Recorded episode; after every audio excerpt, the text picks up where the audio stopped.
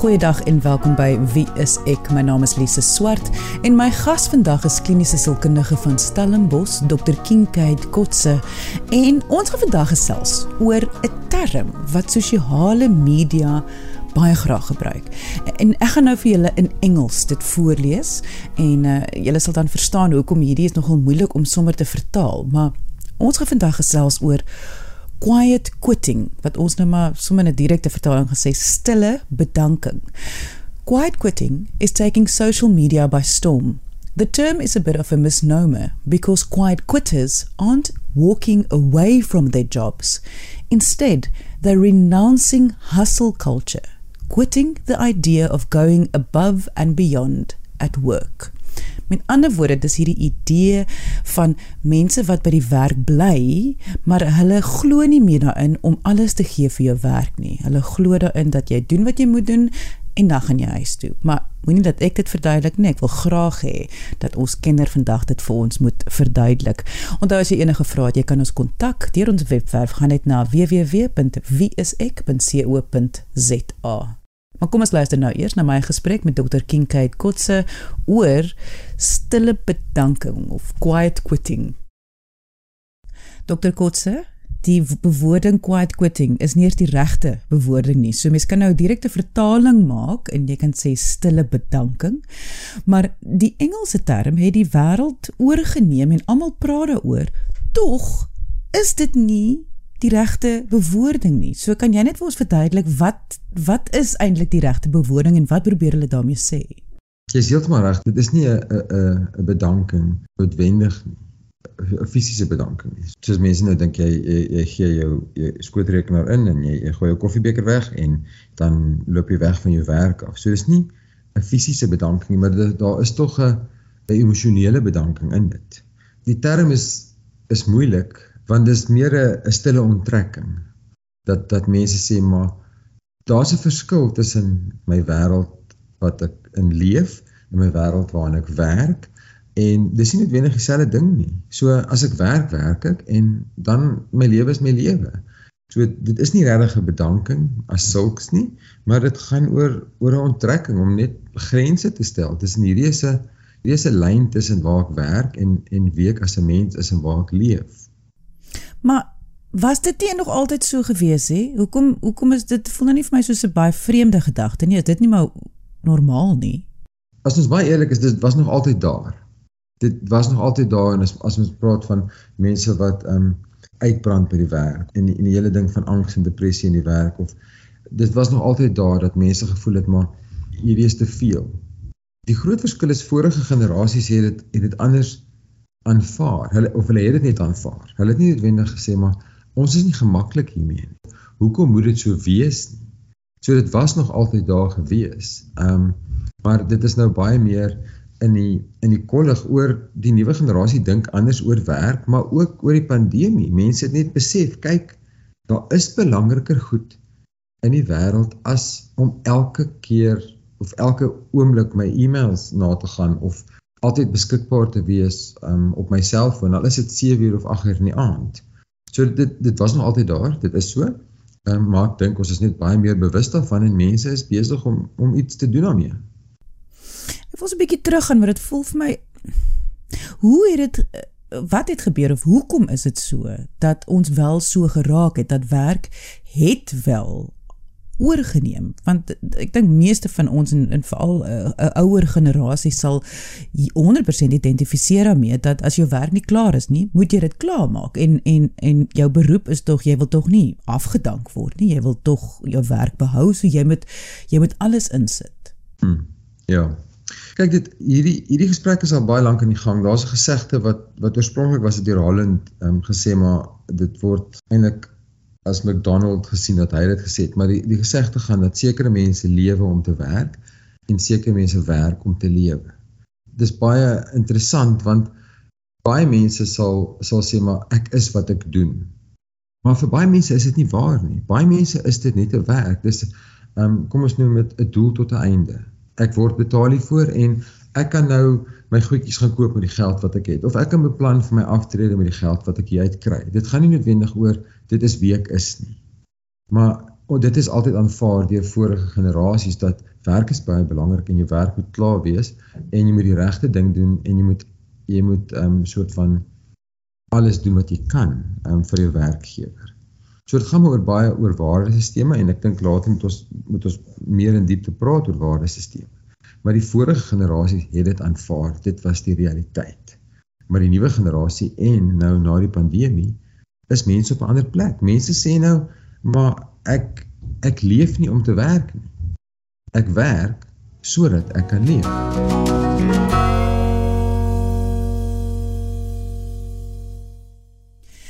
Waar kom ehm, 'n um, term soos identiteit in hierdie hele storie in? Want ek ek voel ook baie mense heg hulle identiteit aan wat hulle doen.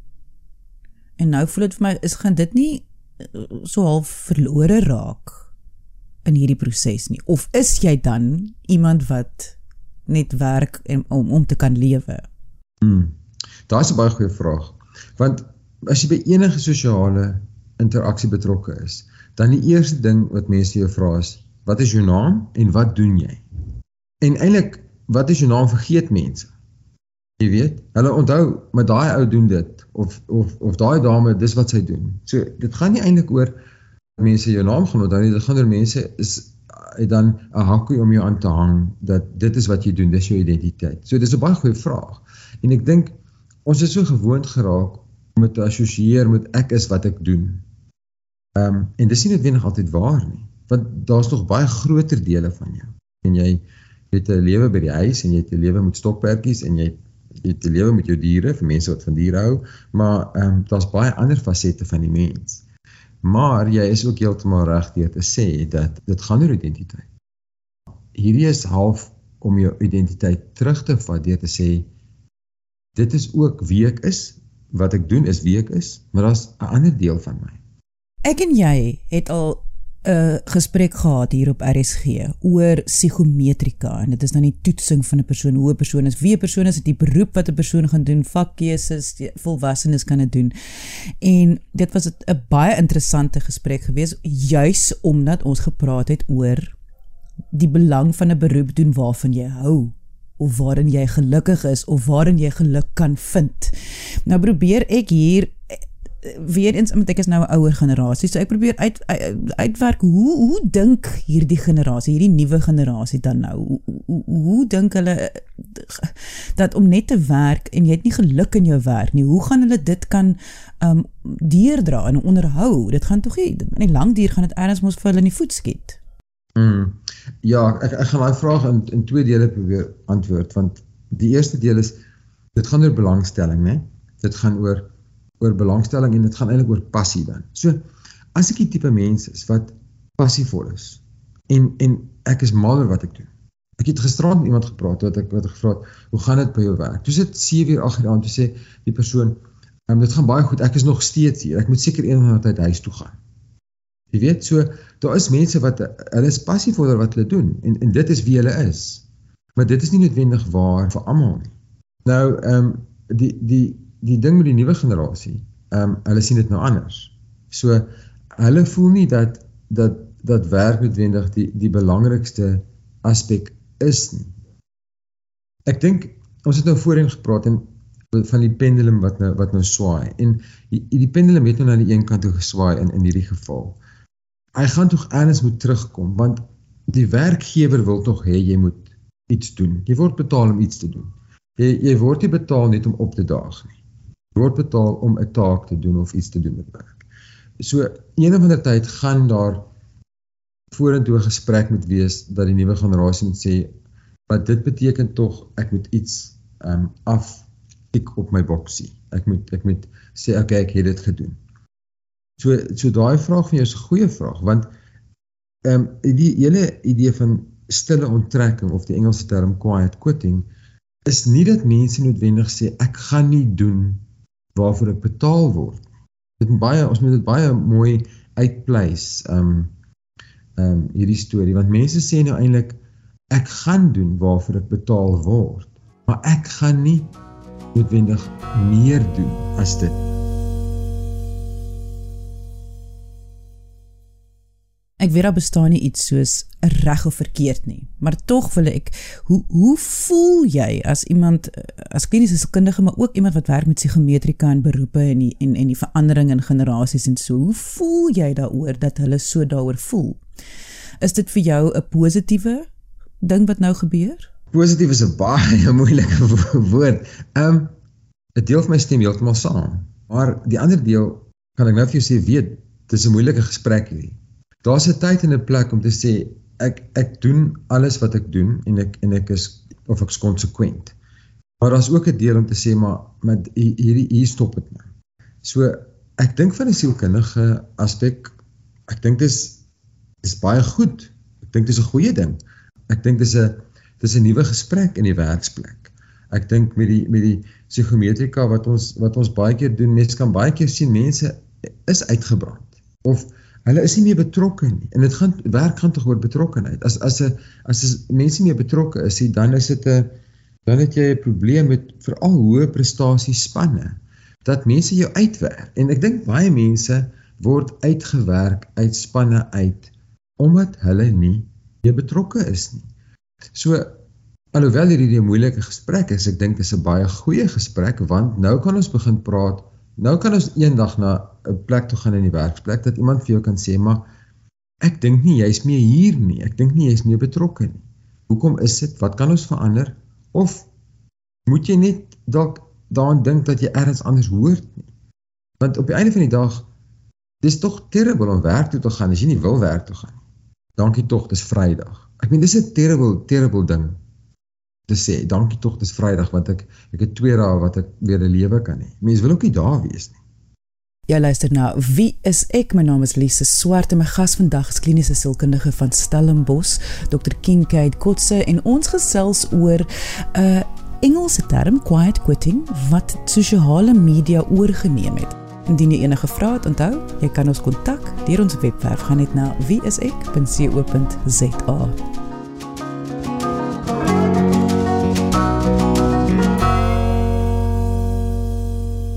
quiet quitting is taking social media by storm. The term is a bit of a misnomer because quiet quitters aren't walking away from their jobs. Instead, they're renouncing hustle culture, quitting the idea of going above and beyond at work. En dit is waar ons vandag gesels. Indien jy nou ingeskakel het en jy wil graag die volledige episode luister, gaan luister gerus die pot gooi op RSG se webwerf. Gaan net na rsg.co.za. Maar kom ons luister nou verder na my gesprek met Dr. Kinkade Kotse oor hierdie stille bedanking. Dr. Kotse, ek wil graag 'n bietjie gesels oor net net die konsep van uitbranding. Want ons praat nou baie daarvan en dit dit is nogal duidelik dat uitbranding is die katalisator tot hierdie stille onttrekking. Maar voor ons net daai beantwoord oor hoekom dit die katalisator is, wil ek net weet hoe wat is uitbranding? Presies want ek dink mense raak bietjie die mekaar met dit. Wat is uitbranding en hoe verskil dit van sê net maar depressie? Dit kan baie dieselfde ding wees nê dit uitbranding kan lei tot depressie. So mense kan sê weet ek is ek is depressief en ek wil nie meer in die oggend opstaan nie. En ehm um, niks wat ek voorheen gedoen het wat is meer vir my lekker nie ehm um, want ek het te veel stres by die werk of ek het al uitgebrand. Ek het al te veel gegee. Of daai emosionele tank van jou is net leeg ek hou ek hou van die vraag want uitbranding gaan tog oor betrokkenheid. Mense mense as jy nie meer betrokke is dan moet jy sê maar ek doen nou die werk maar dit is nie meer vir my lekker nie en ek gee nie meer 100% nie en ek besig om uit te brand of ek begin geïrriteerd raak um, as mense my goed vra. Dan is jy dalk nie meer betrokke nie, maar daar's jy ook nie meer emosionele energie wat jy het om te gee nie. So uitbranding gaan maar eintlik oor energie. Daar is nie meer, die kersie is klaar gebrand. Daar is nie meer iets om om te gee nie. So van van daai aspek af kan kan uitbranding baie 'n groot deel van depressie wees. Maar dis nie noodwendig dieselfde geval nie. As jy nou aan die einde van die jaar kom en jy voel nou ek kan nie nou nog 'n e-mail kyk nie of ek ek kan nie meer wag om net op vakansie te gaan nie want ek het genoeg gehad hierdie was vir my 'n baie moeilike en lang jaar. Dan praat ons van mense is dalk bietjie uitgebrand en hulle het 'n breek nodig. Hulle het nodig om by die see te gaan lê of hulle het nodig om in die bos te gaan sit en hulle het nodig om familie en vriende te sien en dan kom hulle terug met nuwe energie. Dit beteken nie dat mense depressief is nie. Ehm um, so daar's definitief 'n verskil tussen die twee. Nou wat my pla van hierdie hele gesprek van quiet quitting, stille onttrekking is hierdie is nie een mens of twee mense of drie mense wat 'n term uitgedink het en hulle drietjies is nou gelukkig daarmee nie. 'n amper 'n hele generasie het nou gereageer op hierdie bewoording en dit kon dit kon kon identifiseer daarmee dat hulle voel so dat hulle maak ook hierdie keuse. Nou by afleiding dan is beteken dit hierdie hele generasie het het uitbranding ervaar en dis hoekom hulle voel hulle moet drastiese keuses nou maak. So, dis 'n moeilike vraag. Ek dink wat gebeur het is die die nuwe generasie kyk met nuwe oë na die werksplek.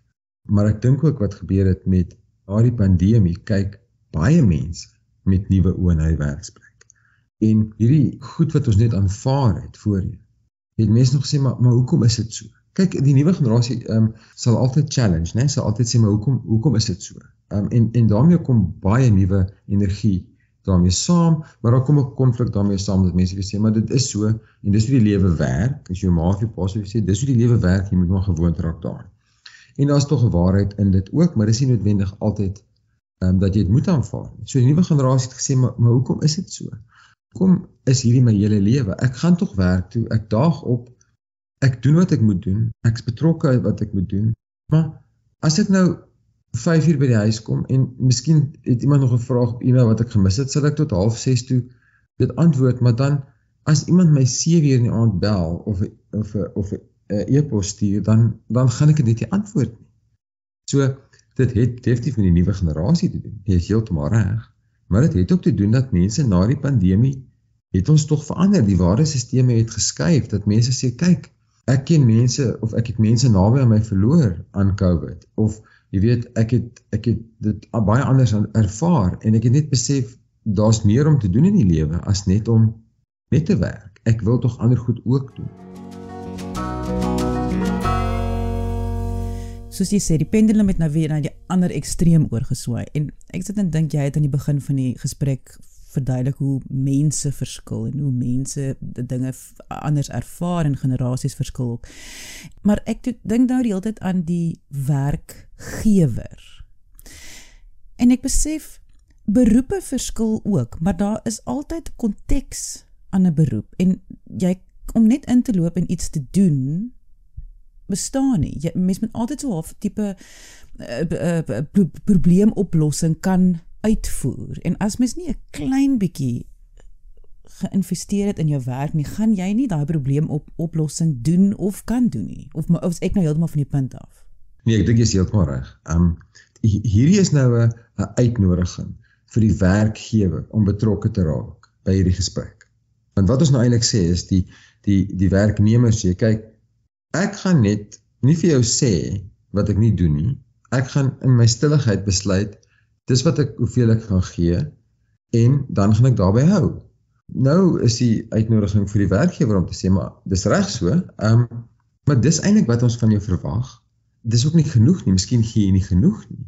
So jy is heeltemal reg. Daar is nou die werkgewer word word bietjie uitgelaat in hierdie gesprek. En ek dink dit is kommerwekkend. Ehm um, want dit is baie maklik om te sê maar dis my reg om 'n lewe te hê. Dis my reg om my werk te lo te los by die werk. Maar daar is ook 'n ander kant. Sê kyk, maar wat beteken dit dan? Hoe lyk dit? Hoe lyk dit in die werksplek? Verhoudingsterapie. Kinkai, dit is wat in my kop nou is. Verhoudingsterapie want ons praat dan nou van twee partye wat in 'n verhouding staan en die een se magsposisie omdat daar 'n keuse gemaak is sonder om die ander een in ag te neem, gaan onmiddellik probleme veroorsaak. Ons almal weet dat in 'n verhouding is dit baie moeilik om uit te sorteer en dis tog waarvan ons nou hier praat. Ek ek's mal oor die gebruik van die woord mag want jy's so so reg.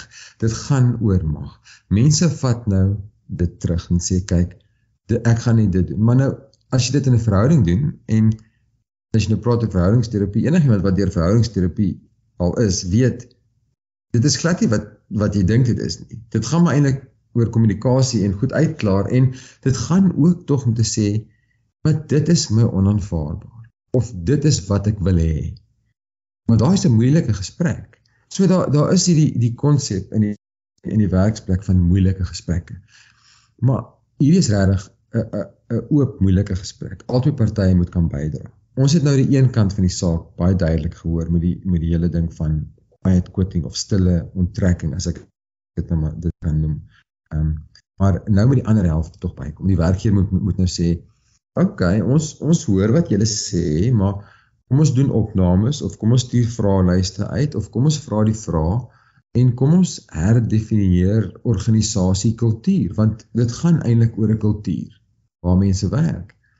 Jy kry sekere spanne wat wat lieflik saamwerk en mense is so gelukkig in daai span. En dan dan gaan hulle na 'n ander werksplek. Toe dan haat hulle dit. En baie van die mense kom terug. Hulle sê asseblief, vat my terug en dan sê die werkgewer, dankie tog jy's terug want ons is so bly jy's terug.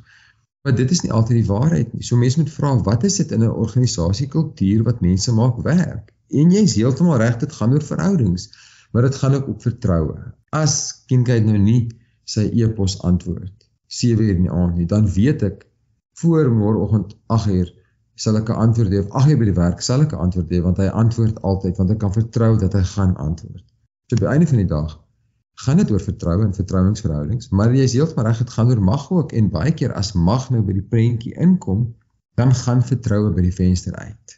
Hierdie voel vir my gaan 'n HR human resources nagmerrie raak eers hoe hulle hierdie gaan probeer uitsorteer in 'n korporatiewe wêreld. Want die mag lê tog by die werkgewer dat ek betaal jou, maar nou is daar ook die mag van die meer menslikheid wat ek amper sê just being human wat ook daar is en dat jy tog 'n reg wat jy kan kies in jou lewe. O, krisis. sien jy nie chaos gaan hier uitbars nie. Ek dink nie dit is dis noodwendig 'n slegte ding nie. Ek dink jy's heeltemal reg dat dit dit is 'n nagmerrie.